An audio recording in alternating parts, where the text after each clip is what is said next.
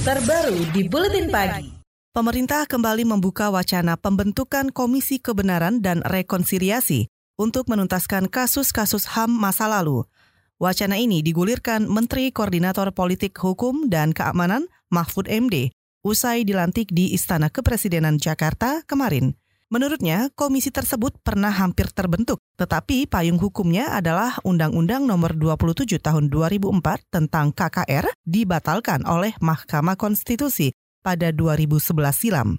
MK membatalkan undang-undang itu karena dianggap bertentangan dengan konstitusi. Itu kan sudah pernah ada undang-undang konsiliasi dan kebenaran ya. Itu penting untuk dibuka lagi. Kenapa dulu dibatalkan oleh MK dan MK memerintahkan supaya itu dihidupkan tetapi diperbaiki isinya gitu sampai sekarang sudah ya 15 tahunan enggak belum diperbaiki juga kan gitu.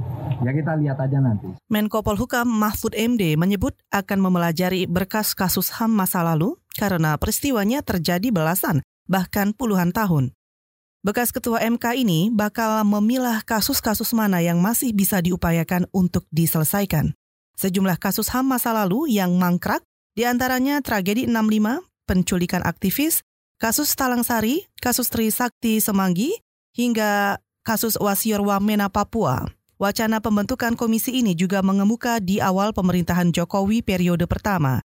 Menteri Hukum dan HAM Yasona Lauli waktu itu mendorong rancangan Undang-Undang KKR agar masuk program legislasi nasional atau prolegnas di parlemen. Namun, belait itu berulang kali ditolak DPR dengan alasan belum mendesak dibahas. Alhasil, hingga akhir periode pertama pemerintahan Jokowi, masalah penuntasan kasus HAM justru makin buram. Wacana penghidupan kembali Undang-Undang Komisi Kebenaran dan Rekonsiliasi mendapat dukungan dari anggota DPR dari Partai Nasdem Taufik Besari. Taufik diketahui pernah mewakili LBH Jakarta menjadi salah satu penggugat Undang-Undang KKR di MK. Saat itu ada dua pasal yang digugat karena dinilai diskriminatif yakni soal amnesti atau pengampunan untuk pelaku kasus HAM dan soal hak korban menempuh upaya hukum. Taufik menyarankan pemerintah menyusun materi baru rancangan undang-undang KKR yang tidak rentan digugat lagi di MK. Menurut saya, salah satu titik berat dari undang-undang KKR ini yang paling penting bagaimana kita bisa mengungkapkan sejarah mengungkapkan kebenaran, kemudian mengidentifikasi korban dan memenuhi hak-hak korban. Kalau undang-undang KKR yang lama itu lebih menitik beratkan pada sekedar rekonsiliasinya saja, yang akhirnya bisa mengarah pada pemutihan, yang mengarah pada impunitas, bahwa seolah-olah KKR itu dibuat hanya untuk menghilangkan atau menyelesaikan pelanggaran masa lalu dengan memberikan semata hanya pengampunan saja. Ketua DPP Partai Nasdem Taufik Basari menolak jika KKR dijadikan sebagai pengganti peradilan. KKR bisa berfungsi sebagai pelengkap atau komplementer tanpa menutup peluang penyelesaian melalui jalur hukum. Taufik yakin jika Undang-Undang KKR rampung maka kasus-kasus HAM masa lalu bisa tuntas.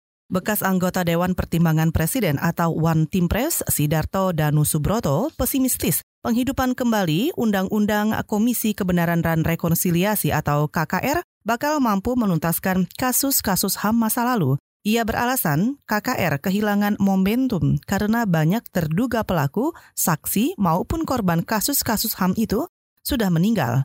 Pensiunan Jenderal Polisi Bintang 2 itu pada belasan tahun silam adalah Ketua Pansus Rancangan Undang-Undang KKR di DPR. Tidak mudah Dulu waktu KR dilahirkan tahun 2004 itu pelaku saksi korban itu masih hidup semua. Ya semuanya lah dari Pak Korba, baik dari saksi. Karena KKR itu membuka kebenaran. Kalau sekarang semuanya sudah meninggal bagaimana mau dibuka? Kan tidak mudah.